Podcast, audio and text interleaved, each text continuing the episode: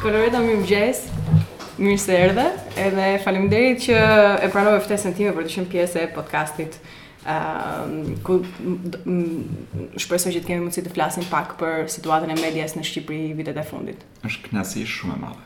Faleminderit. Mirë, po e fillojmë direkt. Ëm um, self regulated apo state regulated? Po dihet ajo tash, është do të jem shumë shumë oriental të them që state regulated. Se rregullimi nga shteti fillon në këto vendet që janë në periferi të po themi të demokracisë. Pra në vende si Rusia dhe përshkuar pastaj në vende të tjera me tradita diktatoriale.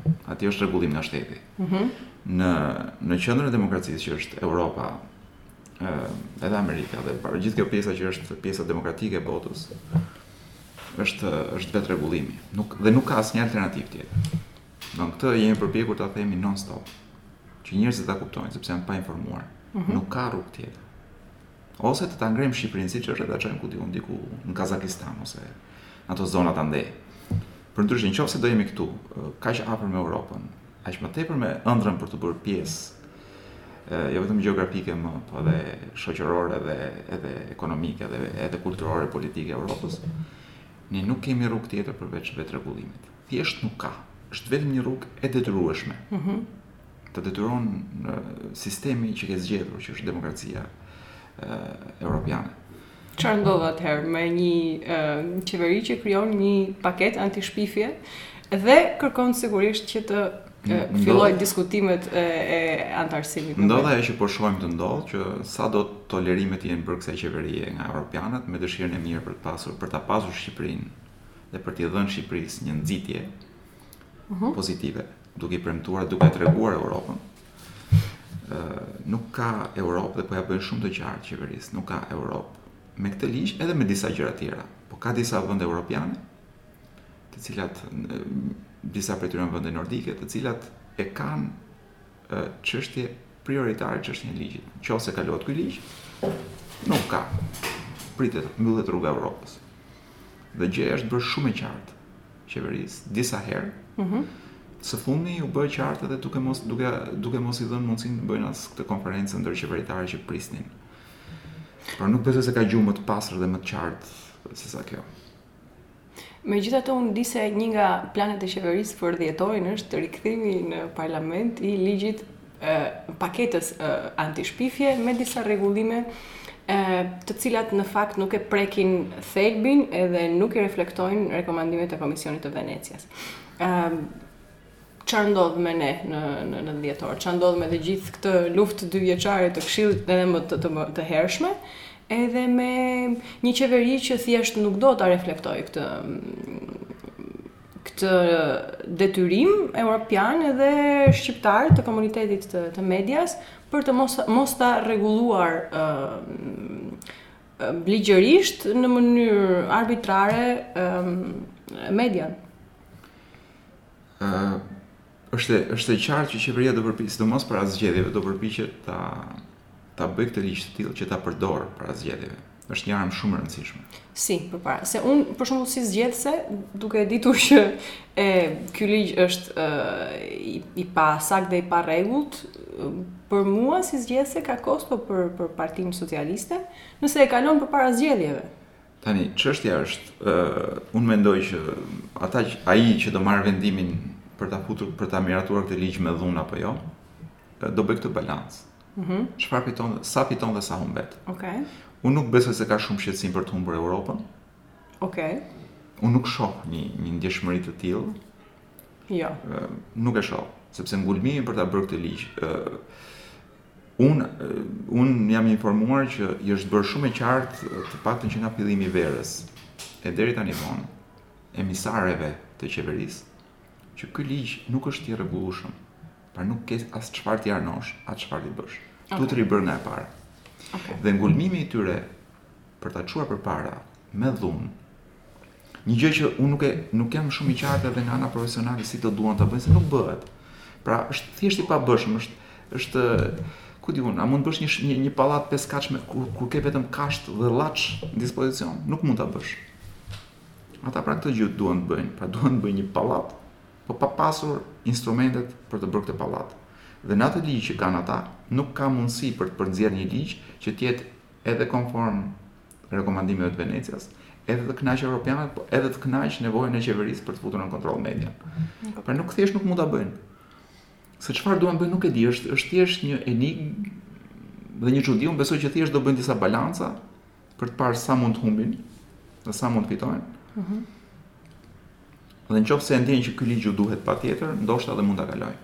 Okay. Dhe këtu pasaj nuk di se çfarë do, pasaj vetëm nuk e di vetëm lufta mund ta zgjidhë këtë gjë sepse gjithë gjithë format e e rezistencës janë janë ezauruar tashmë. Është gjithë gjithë Europa, gjithë organizatat më të mëdha të gazetarëve. Përveç se gjithë organizatat lokale të gazetarëve dhe pjesa më e madhe e mediave, mm -hmm. pra mhm. mediat që vërtet kujdesen për një lloj lirie të shprehjes janë gjithë kundër. Europianët, gjithë institucionet e mëdha europiane janë kundër, ambasadorët janë kundër. Këshilli i Evropës është kundër, edhe OSBE është kundër. Pra gjithkush është kundër, është vetëm një njeri pro. Dhe protesta kemi bërë, pra gjithçka është është konsumuar, ezauruar. Nuk e di çfarë mund të bëjmë sidomos kjo pandemia tjetër përveç se të bëjmë luftë. E kuptoj. Po, por unë nuk besoj se në Shqipëri ka mjaftueshëm do një masë të mjaftueshme kritike njerëzish që do që mund të realisht mund të shkaktonte një ndryshim me anë të protestave. Pra nuk jemi në pozitën që kush do të bëjë një ndryshim në Shqipëri, një ndryshim qoftë politik apo në politika, me anë protestave. Për fat të keq, jemi në këtë pikë. Megjithatë brenda komunitetit të medias ekzistojnë disa iniciativa, siç është Këshilli Shqiptar i Medias, um, i cili mundohet dhe ka krijuar instrumentet për vetërregullim. Domethënë brenda këtyre komuniteteve ose grupeve të të, të profesionale të caktuara ekzistojnë këto iniciativa. Për një publik të podcastit tim që është, po themi, gjysëm i informuar ose jo shumë i informuar se çfarë ndodh me median ose me organizatat që mbrojnë të drejtat e gazetarëve ose të, të drejtat e qytetarëve, ëm um, Këshilli Shqiptar i Medias është krijuar me këtë qëllim, mendoj, domethënë pra praktikisht um, vetërregullimin e komunitetit të medias. Mund të më tregosh pak më tepër se a ishte kjo një um, po themi, pasojë e, e punës tënde personale dhe kolegëve të tu, apo ishte momenti, apo erdhi si nevojë për t'u mbrojtur nga një lloj konteksti ligjor të cilin ju e ndjenit që po ju afrohej dhe që ishte i rrezikshëm për lirinë e medias. Mendoj, mendoj janë të gjitha bashkë. Këshilli ka lindur më herët që në 2017-ën. Okej. Okay. Ka qenë frymë europiane në të vërtetë, nuk ka qenë një grassroots. Okej. Okay. Të jem i sinqertë. Ishim vetëm i vetmi vend në Ballkan që nuk kishim një Këshill të Medias. Maqedonia e kishte ndërtuar para një 2-3 vjetësh para nesh. Kosova tashmë u bënë, ku di unë, një 15 vjet duket, Bosnia dhe më shumë, Serbia gjithashtu 10-15 vjet. Pra janë të stabilizuar deri diku si instrumente të vetërregullimit. Vetërregullimi në Kosovë funksionon shumë mirë, mm -hmm. që është rasti sepse jemi i njëjti popull, por i administruar ndryshe dhe shohim që në Kosovë funksionon shumë mirë. Dhe një shembull se pse vetërregullimi funksionon shumë mirë në Kosovë është ai fakti që kur deshën të të të likin, po themi, të nxjerrin dosjet e, nuk e di, dosjet e UÇK se çfarë ishin ato, askush nuk i botonte në Kosovë. Okay. Ata i nxorën në Shqipëri, erdhën dhe i botuan në Shqipëri. Okej. Okay. Sepse në Kosovë nuk i botonte njeri, pra ka një lloj jo edhe ndërgjegjësim, po tregon që edhe sistemi funksionon atje. Ëh. Po, mhm. Pra që nuk është kollaj ti të bësh një gjë etike në media, sepse ka mekanizmat janë ndërtuar. Dhe mekanizmi final është gjykata që të këput. Kështu që mekanizmi aty është është i ndërtuar. Neve jemi shumë vonë, ishim shumë vonë, siç thashë me një frymë europiane, një grup gazetarësh e ndërtuam ë derisa kuptuam se çfarë ishte dhe si duhej bërë. Ëh. Mhm. Dhe pastaj një fat i keq dhe i mirë njëkohësisht ishte ky kjo iniciativa për të futur një ligj. Ëh. Mm -hmm. Që e solli e solli vetërregullimin e bëri kryefjalë. Ne kishim mm -hmm. ndërkohë një vit e gjysmë mos gaboj, që ten, po tenton, nuk dinim si si ta si ta promovonim si kauzë. Në një vend ku ndodhin skandale çdo 2-3 javë, është e pamundur të fusësh një kauzë që, që dukej shumë periferike në atë kohë. Për fat të mirë për kauzën, por të keq për pasojat që mund të ketë, qeveria insistoi me ligjin. Kjo i bëri të gjithë ndërgjegjshëm, e solli e solli çështjen në në rend të ditës dhe i bëri gjithë mediat të ndërgjegjshme që diçka duhet ndryshojë. Pra duhet të bëjmë diçka. Pra ishte një fat i madh që edhe këshilli edhe unë edhe ne ishim gjithë aty në momentin që kjo ndodhi. Është dashur shumë punë, ne kemi një Për fat të keq të Shqipërisë, kemi një kulturë do thoja shumë të dobët, pothuajse inekzistente të të kooperativizimit. Do ne kemi, po e kemi pasur të dhunshëm, pra ndoshta për shkak të asaj përvoje që kemi pasur, ka një mosdëshirë totale për të për të ndërtuar kooperativa, pra iniciativa kooperuese. Okej. Okay. Aq më tepër kur për të thënë atë që është e vërtetë, shumë media kanë nevojë për këtë lloj lirie dhe mungese kontrolli, po themi, dhe mungese edhe vetërregullimi edhe rregullimi. Që pra, kanë nevojë, dëshirojnë të operojnë në, në një situatë balte. Sepse mediat, një pjesë e mediave, kanë axhenda që nuk kanë lidhje me mbrojtjen e publikut nga politika, po janë axhenda të tjera, që janë ekonomike, janë politike, janë individuale, janë personale. Pra u leverdis kjo lloj situate. U leverdis patjetër që u leverdis. Mm. Kështu që dhe bashkuar kjo me mosdëshirën për të bashkëpunuar, Ok. Edhe vetëm këtu për shembull është ne jemi një vënd pa sindikatë. Të mirëfilltë gazetarësh, pra jo shoqata gazetarësh, po them për sindikatë. Ne nuk kemi sindikatë gazetarësh. Mm -hmm. Ndërkohë që ka, në Ballkan ka sindikata. Dhe ato kanë qenë gjithashtu një ndihmesë e madhe për të rregulluar krejt sistemin edhe vetërregullimin, pra për të kontribuar edhe në vetërregullim. Këshilli si e zgjidh këtë? Domethënë, nga brënda si strukturë, um, është një grupim gazetarësh, ka një bord këshilli, drejtues, këshilli është, bord po, këshilli është një, një, një grupim gazetarësh, uh mhm. -huh. që ka një bord, kryetarin, e tjera, tjera.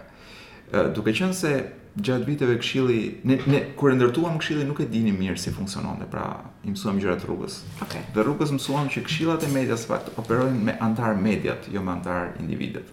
Qartë. Sepse individët e lënë profesionin dhe kurse media në përgjithësi ngelet. Okej. Okay. Pra, kryeredaktorët shkojnë e vijnë, edhe pronarët mund të shkojnë e vijnë te një media, pra shitet blihet, por institucioni dhe logoja ngelet në pjesën më të madhe të kohës dhe media duhet të jetë antar i i një këshilli të medias.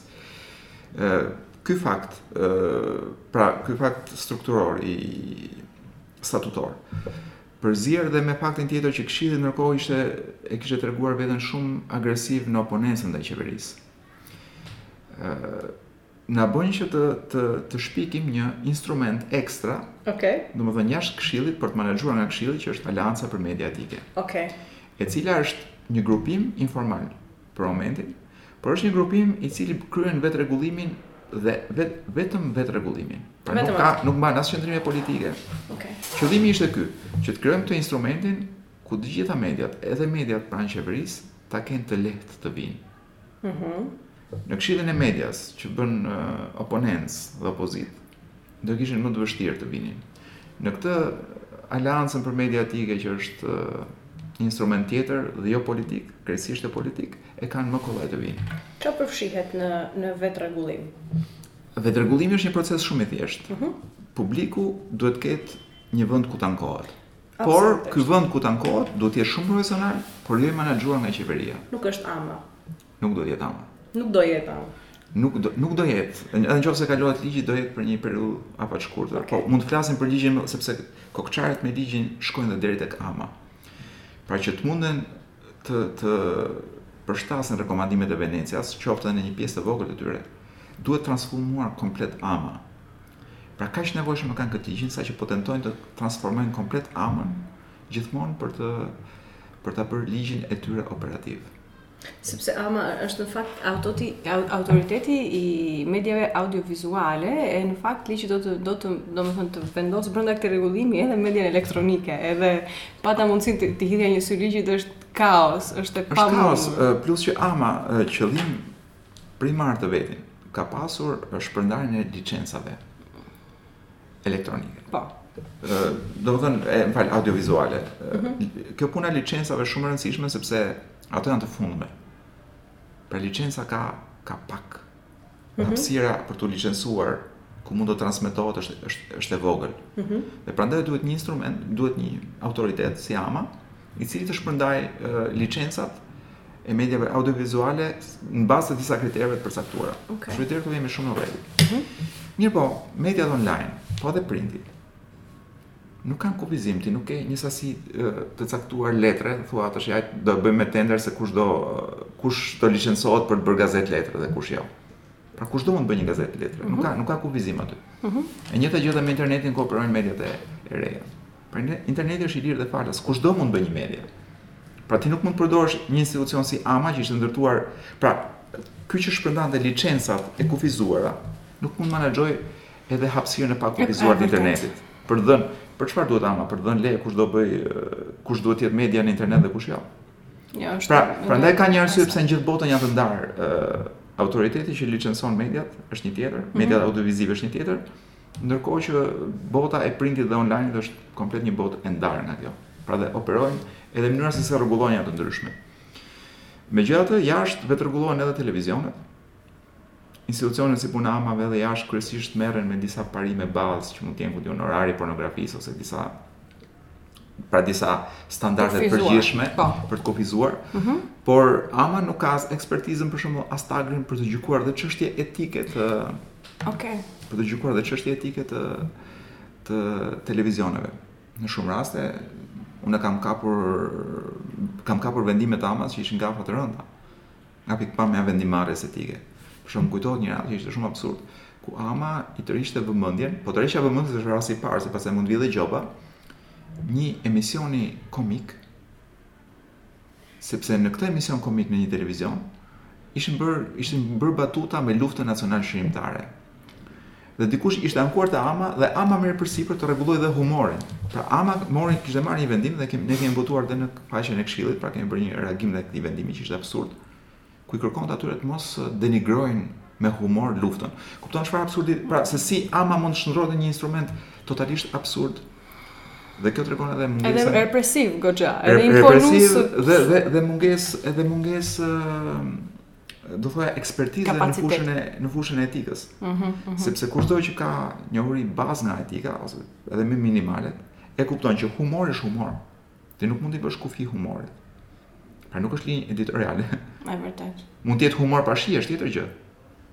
gjithsesi nuk mund të sanksionohet. Po ti nuk mund të thuash do bësh këtë batutë dhe nuk mund të bësh atë batutë. Mm. Pra, kjo për të treguar se se çfarë se çfarë çfarë mund të prodhojë AMA. E kuptoj. E aleanca në në diferencë të kësaj kur themi për vetërregullim në çfarë konsiston? Aleanca ka për momentin vetëm 16 anëtarë, por kemi edhe anëtarë të rinj që duan të hyjnë. Okej. Okay. Si bëhet uh, hyrja? Hyrja ë uh, do jetë një proces ku anëtarët ekzistues do pranojnë edhe edhe anëtarë të rinj. Okej. Okay. Në mbledhje të për dy, pra të, që do zhvillohen dy herë në vit. Okej. Okay.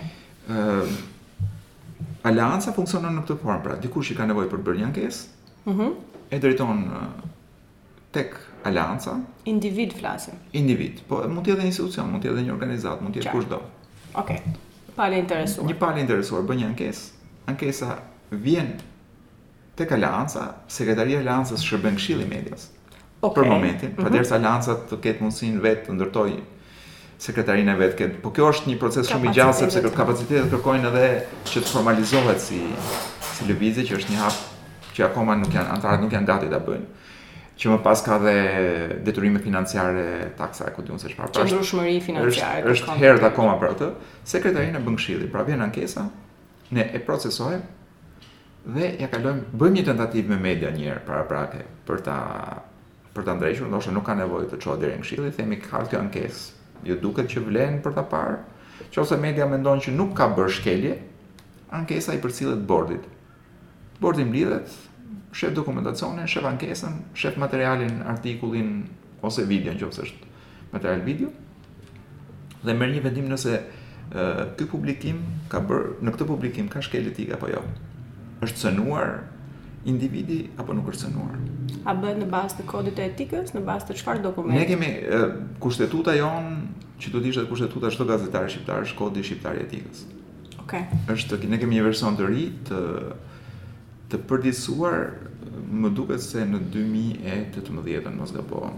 Mhm. Ka qenë një bashkëpunim i i Institutit të Medias me Këshillin Shqiptar të Medias dhe me mbështetjen e Këshillit të Evropës.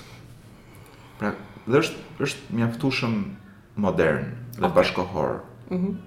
po them si kod etike. Okay. Pra, problemet më të mëdha të etikës i zgjidh ky kod. Dhe shumë i qartë në gjëra që një gazetar duhet të ketë parasysh për të qenë etik në punën e mhm. vet. Mm -hmm. Tani jo, jo medoemos gazetarë që bëjnë shkelje i bëjnë të qëllimta, në pjesën më të madhe janë shkelje pakujdesie dhe nxitimi dhe volumi i madh i punës. Pra, kushtet ku operon media në Shqipëri janë shumë të vështira. Gazetarët tanë janë kthyer në makineri tashmë, që duhet të prodhojnë lajme shumë shpesh për klikime. Mm -hmm. Pra është kjo ky format i ri i bombardimit të publikut me lajme, pra duhet të ketë gjithmonë një lajm të ri që del. Dhe sigurisht në këtë mori lajme që prodhohen me redaksi shumë të vogla. Mhm. Redaksitë e mediave online sot operojnë me një staf prej 4 deri në 6, 7, maksimumi 8 ose 10 mund të kenë gazetar. Nganjëherë nuk janë as gazetar, mund të jenë thjesht student. Mhm. Mm në rastin më të mirë mund të jenë student gazetarie, por ka raste kur s'janë as student gazetarie. Pra, kushtet janë shumë të vështira, një pjesë e këtyre që punojnë si gazetarë nuk janë edhe aq të kualifikuar dhe shumë gabime bëhen nga pakujdesia ose nga shpejtësia. Megjithatë kjo në aspektin tim si lexues ose si shikues më më ekspozon mua në një domethënë mori të madhe rreziqesh edhe lajmesh jo cilësore, domethënë nga një aspekt është mungesa e kapacitetit të redaksive, nga ana tjetër është që ne si lexues ose ne si shikues përballemi me shumë një ambient shumë më tepër problematik edhe toksik se sa përpara. Kështu që Nga një anë rritet niveli i ankesave, nga një anë redaksitë nuk nuk e përballojnë dot, domethënë atë nevojën për të qenë en, zbavitës, entertaining. Është shumë e çuditshme që ne nuk kemi pasur gjithsesi një numër shumë të ne kemi bërë, pra mënyra si funksionon ankesa është e tillë, në çdo faqe të anëtarëve të aleancës, mm -hmm. në çdo artikull ti ke një buton anash që thotë aleanca për media etike. Është një artikull jo, ky është artikull jo etik. kliko këtu. Okej. Pra të jepet mundësia të klikosh po në atë atë artikull ku po lexon, të jepet mundësia të klikosh anash ti për të bërë mhm. një ankesë. Ëh. Mhm. Pra është shumë komode dhe shumë e thjeshtë. Megjithatë ankesa nuk kemi. Si ka mundësi? Këtu vim te një problem tjetër shumë i madh. Okej. Okay. Që unë e kam thënë shpesh edhe edhe ka shumë rëndësi ta rithem. Ëh. Mm Situata e medias shqiptare reflekton situatën e shoqërisë shqiptare. Okej. Edhe të politikës shqiptare. Media jonë është kaq keq sepse shoqëria jonë është keq. Dhe kur them si shoqëri, ë mua është një term që mua më pëlqen se më duket sikur e shpreh atë që dua të them, është ne nuk kemi qytetar, ne kemi kuazi qytetar. Okej. Okay. Pra njerëz që i kanë mundësitë për të qenë qytetar edhe për të për të zhvilluar dhe edhe revoltën e tyre dhe për të mbajtur dhe qëndrimet e tyre si qytetarë. por që nuk i përdorin. Pra, edhe ikjet e shumta kanë ndikuar, pra shumë njerëz dhe për fat keq ikin shumë nga ata që janë të shkolluar dhe njerëz që mund të bënin një masë kritike qytetare për të bërë një ndryshim në shoqëri. Dhe ngelin njerëz që edhe edhe kur e kanë mundësinë të ankohen nuk dinë ta përdorin ose nuk e dinë që është e drejta e tyre ta përdorin ose nuk kanë interes ta përdorin. Ëm Kjo gjendje vjen edhe për shkak të një të një analfabetizmi do thoja mediatik, s'e gjej tamam termin shqip për media literacy. Mm -hmm. Unë quaj analfabetizëm mediatik. Dhe ne kemi shumë të tillë, njerëz që dinë të lexojnë gazetën, por nuk dinë të kuptojnë atë që lexojnë. Pra njerëz që nuk dinë të kuptojnë ë ku duhet shkojnë për informacion të sigurt dhe çfarë duhet pretendojnë nga një media që po informon. Çfarë duhet pretendojnë?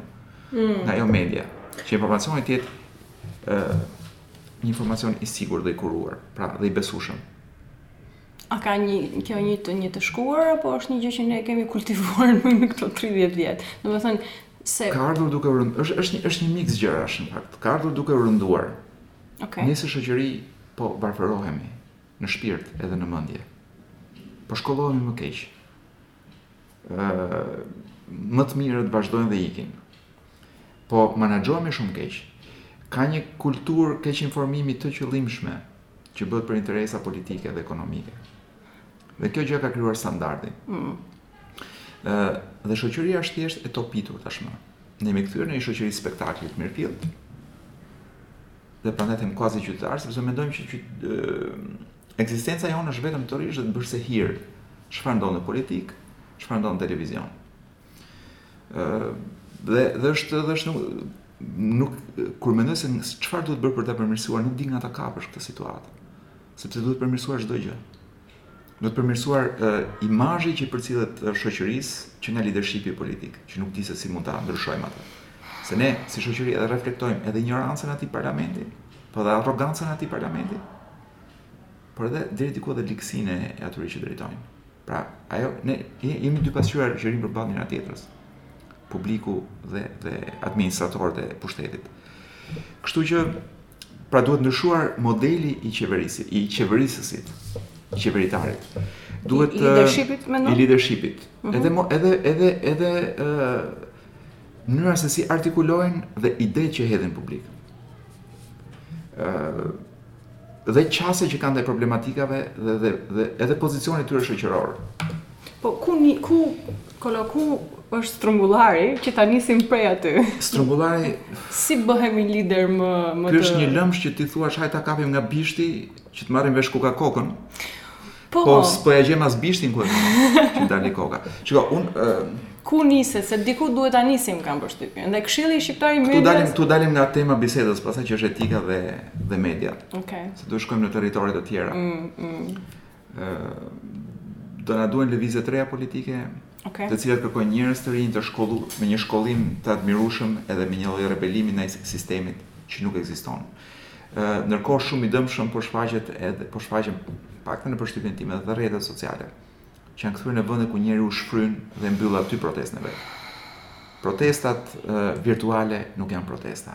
Nuk mendon që është një është pasojë e një momenti teknologjik që ne po kalojmë edhe që ndoshta protesta nuk do jetë më asnjëherë, ok, sigurisht fizike, ëh, po domethënë elementi teknologjik në një farë forme ka transformuar dhe mënyrën se si ne protestojmë ose ose jemi publik? Nuk jam shumë i sigurt për këtë. Unë mendoj që ndoshta mund shkohet në një të ardhshme distopike mund shkohet deri aty, por nuk besoj se jemi gati aty sepse ë akoma ka nevojë për një trup fizik protesta. edhe për fytyra fizike dhe për rrugë. Po të shohësh të gjithë gjithë edhe tentativat për ndryshime të mëdha akoma dhe sot. Vazhdojnë. Edhe në pandemi po bëhen në rrugë. Sepse është pra njerëzit dalin dhe edhe edhe me distancim social dalin dhe protestojnë për një gjë. Mm. Pra do na duhet është kjo puna e agorës është e vjetër, do na duhen shumë kohë për të për të kaluar një agorë virtuale. Sepse mos harrojmë që ë realiteti virtual i internetit është është shumë virtual dhe shumë anonim. Mm -hmm. Pra ti realisht nuk e di ai, ai lajku është kaq i thjeshtë Po të dalësh atje në shesh, e të bërtasësh, e të hash edhe shkopa gome është tjetër gjë. Është shumë kollaj të bësh siç e bën atë lajkun e bën dhe dislajkun. Pra siç i bashkohesh një protestë edhe i çbashkohesh. E vërtetë. Po nuk është po që ti bën një like këtu dhe pastaj të shofësh serialin tënd të preferuar, e shofësh Money Heist në në internet. Nuk është nuk është kështu protesta, nuk duhet të ishte kështu. A mendon ti se ne jemi popull kurajoz? Kemi kaluar te populli tani. Unë Domethënë jemi qytetar, unë, individ. Unë, domethënë, a është cilësia jonë si shqip, një nga cilësia, cilësitë tona kurajo. Meqë po shoh unë se natyrisht, uh, domethënë identiteti jonë uh, kur je fmijë krijohet me këtë idenë që sigurisht pasardhës të një populli të lashtë, pasardhës të Skënderbeut, kurajo, kurajo, kurajo. Po, në momentin që ti i thua profesorit ose zyshës tënde, unë nuk jam dakord me këtë, ose ti merr kurajon të thuash që unë e mendoj ndryshe, atëherë ne kemi këtë këtë mënyrën për t'i ndëshkuar ata që mendojnë ndryshe dhe them, ok, a, a, a e dim ne çfarë është kurajo në fakt dhe për të kërkuar një sistem të ri lidershipi dhe një sistem më të më të drejtë qeverisje edhe vetërregullimi nëse hyjmë tek media. A nuk do duhet që t'i kemi ca cilësi dhe ata që domethënë nëse i kemi ë a nuk duhet t'i kultivojmë ose dhe nëse nëse nuk i kemi a duhet ta themi që s'i kemi? Kjo kjo tema ku po shkojmë më fton në mëkat sepse jam gati të dal të flas se... për kurajon qytetare dhe për kurajon ushtarake dhe për gjitha këto. Për këtë punë jemi këtu. Por unë do doja, jo, këtu kurajo nuk është kurrë vetëm si fjalë, është gjithmonë togfjalësh, kurajo me një gjë tjetër. Për shembull. Kurajo qytetare do thosha unë. Okej. Okay. Që është lufta për të ndrequr atë që nuk shkon mirë këtu në këtë vend. Pra ti nuk ke kurajo për dalë në luftë kundër shkjaut, por kurajo është për të dalë Për të dalë për t'u përballur me këtë tëndin që po ta bën po ta nxin jetën dhe po po shkatërron çdo çdo vlerë që ti e konsideron vlerë. Këtë kurajo qytetare unë nuk e shoh. Me thënë të drejtën, shumë. Por gjëja që mendoj është kjo që kurajo qytetare nuk mund të them që shqip, shqip, shqiptari e ka apo nuk e ka. Ë uh, unë mendoj që shqiptari nuk ka mjetet për ta për ta shfaqur apo për ta ngacmuar këtë kurajo. Dhe mjetet është frymëzimi. Unë mendoj që këtu nuk ka një iniciativë apo qoftë dhe grup individësh që të mund të të frymëzojnë aq shumë sa të dalësh në rrugë për ta. E t'i shkosh mbrapa po. Mbrapa këtij grupi unë do shkoj ku të, ku të më thonë këta që duhet shkuar për të ndrequr këtë apo atë gjë. Dhe unë këtë gjë nuk e shoh. Për fat keq, nuk ka frymëzim. Pra ne nuk duam mesinë, Po dhe mesia çfarë ishte një një një motivator ishte. Po. Motivational speaker ishte. Një farë mënyrë. Ne nuk duam mesi, po duam dikë dhe jo dikë që të na manipulojë. Duam tonin me fjalë. Po duam dikë që të na frymëzojë me me jo më të thotë, po me shembullin e vet. Për të mos dalë te tema tashmë shumë e rrahur në kafenetë e Tiranës e Albin Kurtit, që është një shembull i tillë dhe dhe teoritë e shumta pse ne nuk mund të kemi një apo a mund të kemi ne një një Albin Kurt. Mm. Por ne nuk e kemi këtë frymëzim dhe faji i ngelet popullit, në fakt. Mhm. Popullin e kanë tërhequr kaq shumë për hunde për ta nxjerrë në shesh. Shpesh edhe me antimitingje që më duket gjëja më monstruoze e një populli, është që të bëjë një miting për të prishur mitingun e atij tjetrit. Pra, për të prishur protestën e atij tjetrit, i bën një protestë. Dhe qëllimi është që të bësh sa më shumë bëhet ky anti mitingu që t'ia se po flasim kështu t'ia dhjesësh atyre që po bëjnë atë mitingun atje. Unë mendoj që shpresoj ta kemi kaluar këtë, me meqense opozita jonë nuk është dhe aq aktive, nuk ekziston një kështu real clash. mua mua më pëlqen të flas pak për këto lëvizje të grassroots, nëse do rrim te kjo temë edhe pak. Dua të edhe pak. Dua po. të sjell një shembull ë uh, që për mua është shumë i rëndësishëm. Nuk kam pasur mundësinë ta them asgjëkundi. Okej. Okay. Si shqetësim. Bëhet fjalë për një protestë uh, që mund të ketë disa muaj përpara në lidhje me një s'më kujtohet fiks muaji kur ka ndodhur. Po. Në lidhje me përdhunimin e një vajze në një shkollë. Po. Më është dukur ë uh, ajo dalja masive atje. Në Tiranë ishte. Në Tiranë ishte. Më është dukur një nga fenomenet më kiç të mundshme të shoqërisë shqiptare. Okej. Okay. Dhe do ta them pse. Pse më thua? Ë uh, unë nuk dola në protestë.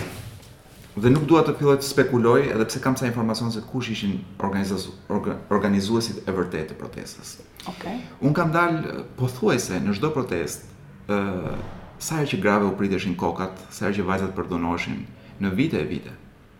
Edhe kemi qenë 20 po gra, 20 gra dhe unë. Grave u janë prerë koka. Domethënë, okej, përveç këtyre rasteve. Edhe, edhe u janë prerë.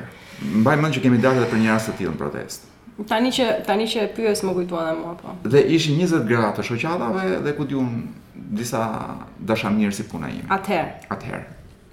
Ishte e, të njëjtat probleme, e njëjta dhunë, e njëjta, ndoshta edhe më e egër, i njëjti e njëjta kërpudhë informative rreth ngjarjes, pra u bë një bujë e madhe për secilën nga ato ngjarje, mm -hmm. por nuk mund të thotë dikush që unë nuk e mora vesh. Qartë.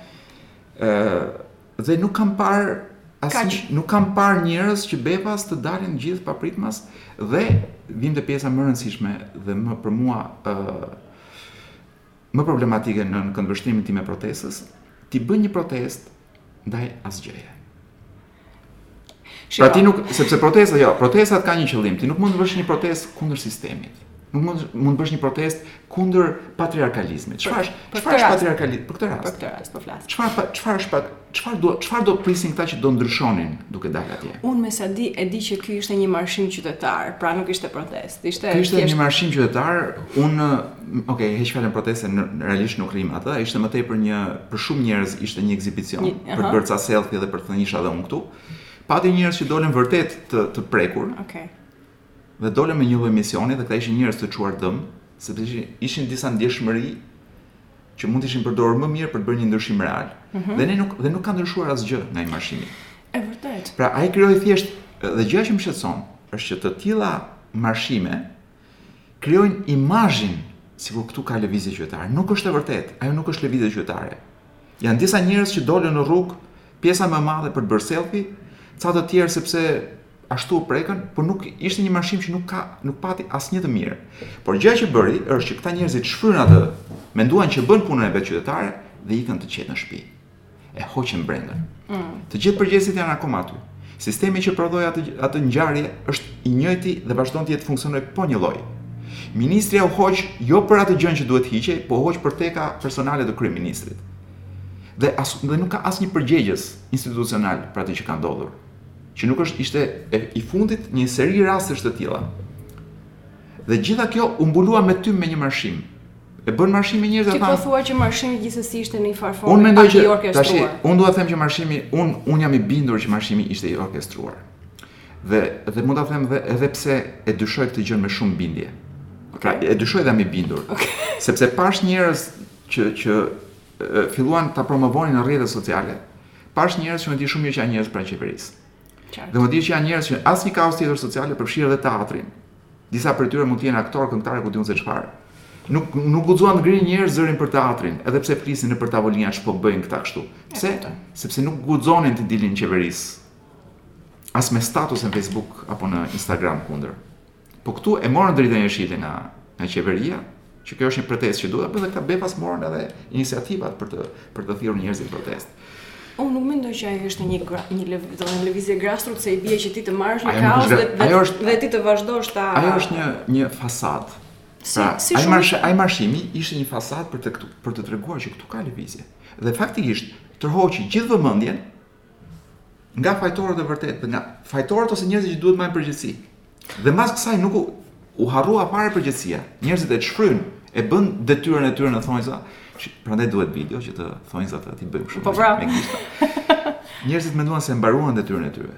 Pra, e gjitha ajo ishte një fasadë shumë e madhe ku brenda për fat keq kishte njerëz që dolën me një lloj ndjeshmërie qytetare. E vërtetë. Shkuan E shfrynë aty, u desintoksikuan menjëherë, u kthyen në shtëpi, vazhdoi jeta si normalisht. Nuk është kjo. Lëvizja. Kjo është të bërë gjasme sikur po bën, po bën lëvizje qytetare dhe gjasme sikur po proteston apo sikur po marshon. Dhe unë them më mirë të rrimë në shtëpi dhe të kuptojmë që jemi një popull që nuk proteston, se sa të, të bëjmë këto fasadat me gjasme. mendoj unë. Hmm. Megjithatë, po shoh që kemi vetë... dalë shumë larg. Megjithatë, unë mendoj që qëllimi i podcastit është ky kolon, me pas një një bisedë të vazhdueshme që shkon aty ku ka nevojë të shkojë sot. Sepse media në fakt është media po, për t'u kthyer tek ajo që media është është duhet të raportojë dhe me këto gjëra që ndodhin në Shqipëri. Patjetër. Mos e kërkojmë gjithë fajin te media. Askush nuk e ka mendoj artikuluar këtë që ti the, në në me sa kam parë në media, është sigurisht është Ishte shumë trendi ajo dhe nuk besoj se do kishte njeri guximin qoftë ta kundërshtonte sepse ishte diçka shumë trendi. Edhe ishte ti mund të dalësh po pra po dhe popular në Shqipëri kur u shemb teatri dhe dhe Megjithatë ti thua qëndrojmë në shtëpi, ama un të mbaj mend që ti ishe në podium kur u shemb teatri dhe pyesje shqiptarët çfarë do bëjmë. dhe ëm um, Ajo është për mua ka qenë një moment i madh frymëzimi dhe respekti për ty personalisht, po dhe për njerëzit që qëndruan atje për aq gjatë. Ëm um, është e vërtetë që kemi lëviz nga nga nga nga tema kryesore e medias, megjithatë gjithsesi ky është aktualitet dhe është i rëndësishëm që edhe këto tema të, domethënë të rrihen. Ë uh, jam shumë dakord me ty kur thua për pjesën e frymëzimit dhe unë e di që kjo ky marshimi për një pjesë të qytetarëve që ishin aty vërtet si me thënë, për ta nxjerrë atë frustrimin, traumën, shërbeu në një farë forme, po është gjithashtu e vërtetë që asgjë nuk ndodhi më mbrapa. Edhe unë mendoj që mund t'i kemi të dyja. Nuk la as legacy, nuk la as diçka mbrapa, nuk nuk Po pra, sepse ishte një gjë kaq e panevojshme që vetëm bëri dëm. Ok, mirë. E vërteta, domethënë, ndoshta kjo është një aspekt i së vërtetës. Aspekti tjetër është që disa njerëz u ndjenë mirë që u bashkuan me njerëz të tjerë për një kauzë që ata e ndjenin të ndjeshme personale. Ka dhe një grup njerëzish që unë e di personalisht që janë ndjerë shumë të frymëzuar. Një kolege ime ka shkruar një libër të frymëzuar prej këtyre ngjarjeve ku i ka dhënë mundësinë grave të abuzuara që të tregojnë historitë e tyre. Domethënë ka njerëz që e përdorën atë si katalizator të nevojave të tyre për të shprehur. Domethënë këto Nevojat për të treguar për dhunën qoftë seksuale, qoftë emocionale, psikologjike, kryesisht të grave. Um, ama,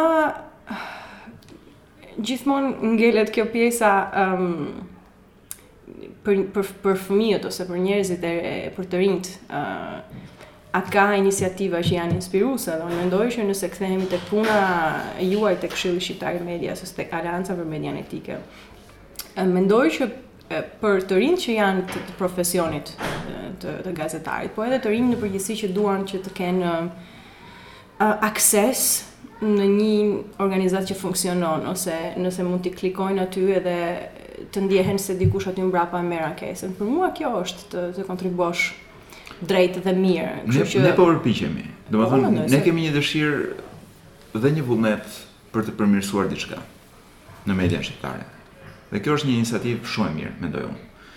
Besoj dhe ata që kanë qenë shumë skeptikë, sepse me shumë ngulm ia kemi arritur të bëjmë diçka, të hedhim hapin e parë. Është akoma e brishtë, nuk është stabilizuar akoma ashtu siç duhet. Jemi shumë larg edhe vendeve të tjera të Ballkanit, lëre më po themi vendeve nordike në këtë në këtë aspekt, pra në këtë lloj iniciative, por është një hap i mirë dhe po ecim Shqipëria ecën me milimetra përpara, ecën shumë pak përpara, kështu që edhe këto lëvizje tona nuk ecin dot me kilometra saç do donim. Por diçka po lëviz për mirë. Ë uh, Unë nuk e di nëse mund të mund të jemi frymëzim, unë do doja në këtë rast që po të kishte shumë njerëz të tjerë apo institucione të tjera që bëjnë thjesht punën që duhet të bëjnë dhe me përkushtim dhe me ndershmëri ndoshta do ishte akoma më efikase pra për të ndërtuar struktura funksionale të të shoqërisë. A është edhe një pyetje, a është aksesi në financa problem uh, për organizatat shqiptare, sepse ok, idetë i kemi shumë të mira dhe ti gjatë ditës mund të mendosh si profesionist në në ekspert në në fushën tënde, shumë projekte që mund të jenë me shumë përfitim për shoqërinë. Po sa, domethënë sa takohet kapaciteti i financimit me projektet e duhura, nuk e di a më kupton. Domethënë a ekziston mundësia që ajo pika e takimit është e rrallë dhe e vogël, me sipërfaqe shumë të vogël. Ë nuk dua të marr përsipër Të gjykoj gjithë, gjithë për eksperiencën tënde. Panoramën panoramën e donacioneve, po. E donatorëve, të financuesve të, të fondacioneve. Ë, por unë mendoj që në Shqipëri në vite janë hedhur shumë para dëm. Po shumë. Janë hedhur shumë para dëm, edhe vazhdojnë të hidhen. Për fat të keq. arsyet, arsyet mund të jenë të shumta, mund të jenë burokracirat, mënyra se si funksionon edhe grantdhënia. Mhm.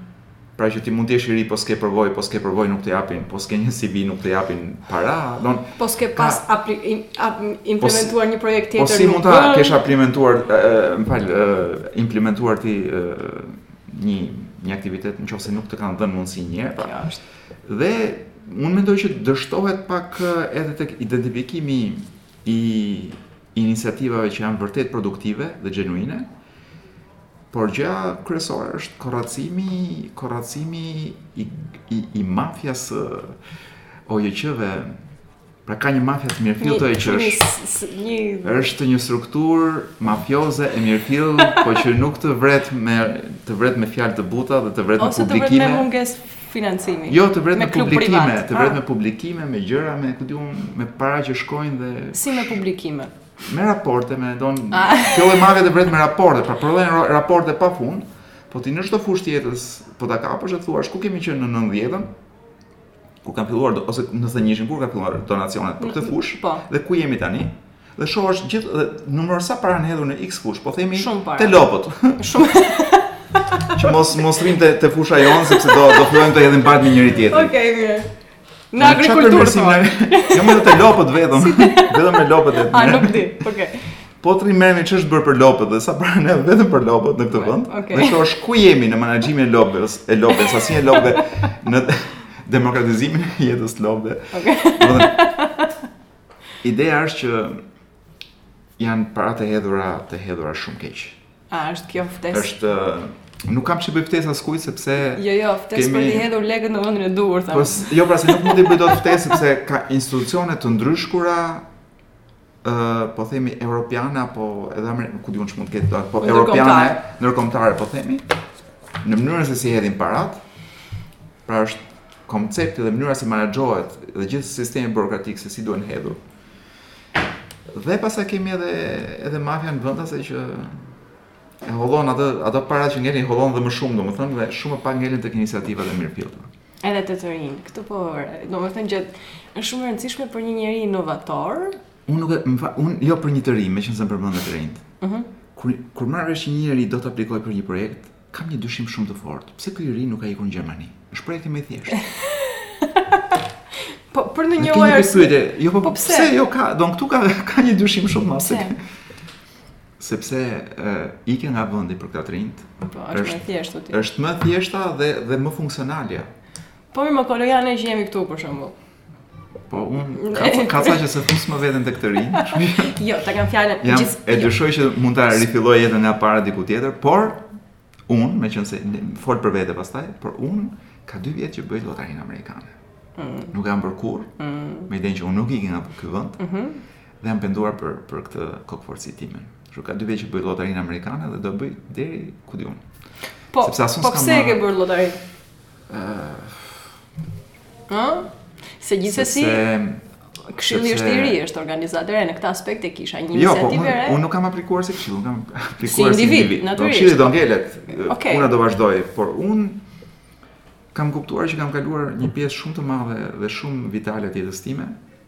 Aha.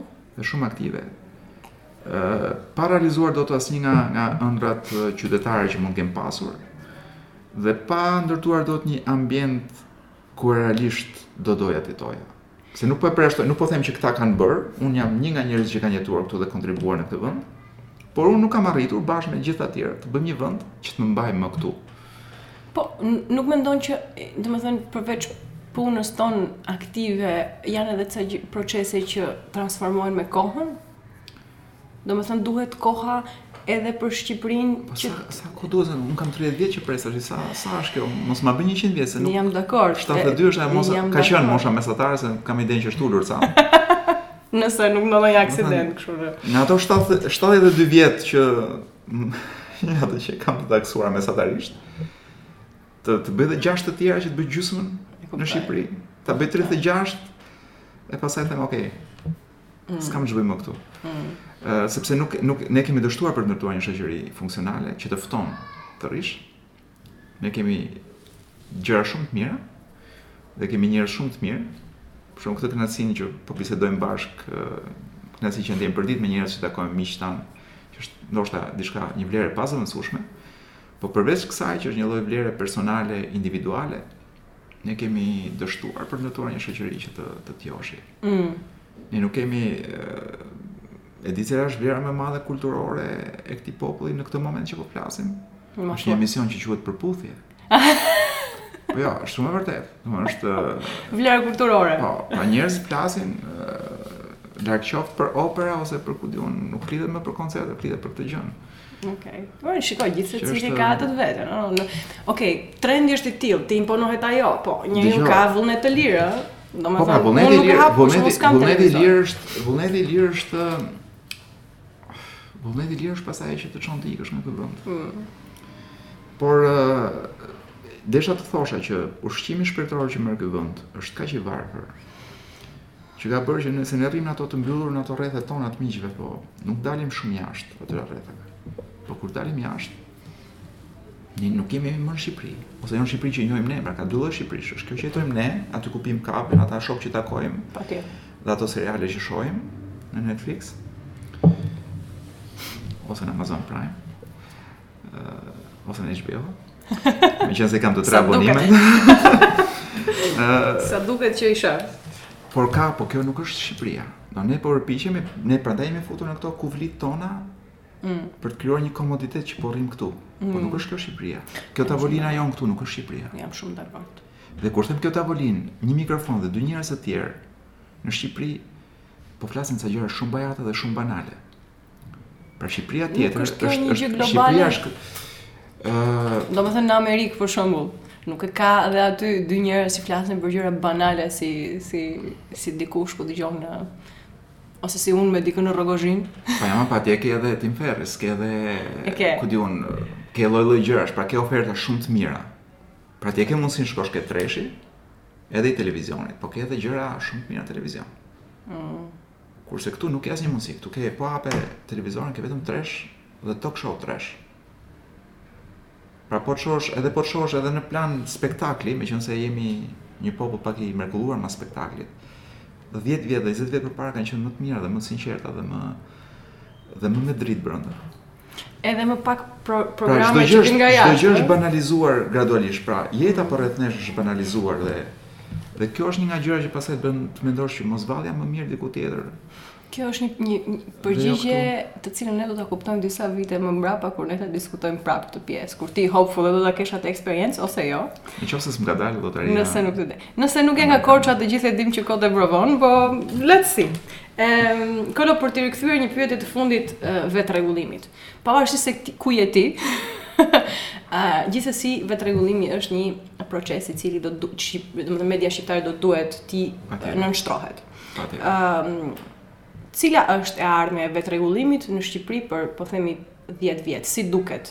Idealisht. Edhe pastaj skenarin më negativ të vetërregullimit, a ka ndonjë aspekt që mm, ndoshta nuk përputhet mirë, po idealisht të... një vetërregullim i saktë. Si do dukej për media në Shqipëri? Ëh, uh, gjëja pozitive është që gjithsesi pavarësisht hapen s'hapen, do në sa vonon hyrja jonë në Europë. Ëh. Mm dhe fillimi i negociatave. Ëh. Mm Ajo është rruga jonë me sa duket. Edhe po vonoi pak. Po. Ajo është rruga jonë. Dhe është një, ajo është një gjë shumë e mirë, se do përafrohet standardet tona do jenë të detyrueshme të përafrohen me ato europiane. Në vërtetë. Dhe ky mund të jetë një moment shprese për të gjithë në fakt. Që në qoftë se ndodh ky përafrimi i këtyre standardeve, befas ne do kemi një korpo ngritjeje menjëherë. Mendoj si shoqëri, por edhe në standarde, do jenë të detyrueshme standardet. Tani dhe, dhe standardet e vetërregullimit nuk janë të detyrueshme. Okay. Pra ne e, kemi mbledhur një grup mediash që janë pozitive dhe kanë dëshirë për të qenë etikë. Por ka shumë të tjerë që nuk nuk na vijnë në aleancë. Ka dhe media që nuk të erdhën sepse janë media pranë qeverisë edhe u vajtën sëmesët. E kuptoj. Që nuk do shkoni te kjo iniciativë sepse kjo dëmton ligjin e atij që do të bëjë ligjin. Pra kishim dhe raste të këtilla. Por unë mendoj që do kemi një mundësi për njerëzit, e kemi që tani, por do kemi gjithnjë më të mirë, që kur ty të kanë shkelur personalisht, për shembull, që mund të jetë një cënim emri, çfarëdo gjë që ka të bëjë me individin tënd, mund ka shumë mundësi të ndreqet. Përveçse, në qoftë se këtu nuk luan interesa shumë të mëdha ekonomike dhe politike, ku është shumë vështirë që vetërregullimi të bëjë gjë. Ato janë procese që do shkojnë në gjykatë. Pra gjëra shumë të rënda, këshilli është vetëm një, më fal, vetërregullimi është vetëm një ndërmjetës për t'i zgjidhur gjërat pa vajtur në gjykatë. Ëh. Mm Pastaj çdo gjë e rëndë do shkojë patjetër në gjykatë. Duhet të shkojë atje. Po në gjykatë shumë pak raste ka për çështje etike. Ëh problemi më i madh i medias për rrjedhojë dhe i vetërregullimit është çështja e pronësisë. Okej. Okay. dhe unë po shpresoj shumë me nisjen e negociatave në mënyrë që ky standardizimi të rregullojë legjislaturën tonë edhe në këtë aspekt. Pronësia mbi mediat. Okej. Okay. Pra, pronësia mbi mediat është një nga e thënë shqip pronarët e medias janë problemi. Ah, okay. okay. Po pronarët janë pronarë për shkak të, të ligjeve që u mundësojnë të kenë pronësi edhe mbi një media, por të marrin edhe benefite nga bashkia, Marrin dhe kontrata nga bashkia, po të marrin dhe kontrata nga nga qeveria. Po të marrin pjesë edhe nëpër tendera. Dhe kjo nuk është më media. Kjo është kërbaç për të marrë ato tendera dhe ato gjëra të tjera. Pra, zgjidhja e problemit të pronarëve të medias dhe konfliktit të interesit është Gjëja më e rëndësishme që duhet t'ndodhi për të përmirësuar shumë hallka të tjera të medias dhe për të çliruar gazetarët nga një nga vargonjtë që kanë në këmbë. Këtë këtë s'e kanë në këmbë, këtë e kanë në fyt, ky është vargu i fytit ky, ky i pronarit. Sepse ti edhe nëse nuk të thot pronari, ti e di shumë mirë që ku është linja. Po, ti e di shumë mirë që këtë gjë jo se ky është miku i këtij se kanë pare. Ti e di shumë mirë atë gjë që duhet bësh. Që mos të heqin nga puna. E kuptoj. Pra është këtu. Pra, vargoi, këtu është i mbërthyer në fyt. Pra gazetarët janë pra, praktikisht janë njerëzit më pak të lirë në këtë vend. Do thoja unë, në profesionin që kanë. Dhe ky është njëri problem, shumë i madh. Problemi tjetër këtu nuk nuk di të them ç'do ndodh, është problemi i sindikatave. Sindikata do ishte një element që do ndryshonte shumë, shumëçka në marrëdhëniet e punës së gazetarëve Pra, do hiqte një vargua tjetër që e kanë këtu. Dhe këtu. Pra këto janë dy elementë që duhen zgjidhur në mënyrë në mënyrën sa më të shpejtë që të jetë e mundur. Pastaj pjesa tjetër është pjesa e strukturimit të, të institucioneve, duke filluar që nga shkollat, edukimi i publikut, zhdukja e analfabetizmit mediatik, problem shumë i madh që prodhon vetëm Vetëm këto, këta kuazi qytetarët. Un ka njerëz që informohen vetëm në në Facebook tashmë, nuk nuk e din nuk e din që ka edhe gjëra të tjera përtej Facebookut. Pra, interneti dhe Facebooku nuk janë e njëjta gjë. Po ka shumë njerëz dhe të rinj që nuk e din këtë gjë. Mendojnë që Facebooku dhe interneti janë e njëjta gjë. Pra nuk nuk din që ka jetë jashtë Facebookut dhe ka burime informacioni, ka enciklopedira, ka gjëra, ka intervju, ka ku di un ka mrekullira. Unë gjithmonë fajsoj prodhuesin, kupton? Sepse nëse unë bombardohem me këtë me këtë reklamë ose me këtë produkt, atëherë prirja ime që të kuptoj ose të mendoj se kam nevojë për këtë produkt është më e lartë. Domethënë, njeriu që prodhon aktivisht është edhe njeriu që e kupton se çfarë ofron në një farë forme. Kështu që të rinjtë duke mos qenë shumë të ndërgjegjshëm, për opsionet që kanë, por edhe duke qenë mos qenë shumë kritik, edhe duke mos pasur një background cilësor të kërkimit të informacionit, sepse nuk është një gjë që neve e kemi pasur në familje. Po ajo mësohet dhe në shkollë. Jo, Mendimi jo, as kritik në shkollë. Është një proces që duhet ta mësoj familja dhe shkolla. Nuk nuk ka ndonjë. Duhet të ta mësoj. Po pra. Domethën i riu pra në të 20-tat që është formuar shkolla, që nga shkolla dalin. Diskutim. Dhe jo më kot strategjia kundër analfabetizmit mediatik fillon në shkollë të mesme. Pra të fillojmë krijojmë qytetarë të lirë që në që në atë moment. Njerëz të lirë për të menduar. Janë fëmijë të pafajshëm që dëgjojnë tre këngëtarë gjithsej dhe nuk e dinë që ka të tjerë për për veç këtyre. Dhe dinë vetëm një gjë për politikën që e dëgjojnë në shtëpi, nga babai ose nga nga kush, nga gjyshi, nga kushedi nga nga nga marrin informacionin. Dhe pastaj janë të budallepsur me, me Instagram. Pra ata janë kushti, pra këto janë mënyra se si se si formohet ë e fëmija i shkollës mesme atje. Dhe po nuk u ndryshuan këto mënyra, u ndryshua që ne do kemi një Shqipëri siç e Si, siç e duam ne, si Gjermania, domethënë. Me, me çfarë, me çfarë note, me çfarë mesazhi do doje ta mbyllnim këtë diskutim? Me një këngë partizane. Okej, okay, cila? Se ndoshta e njohim dhe ne. uh, unë them që... A, ka tekstin, nice.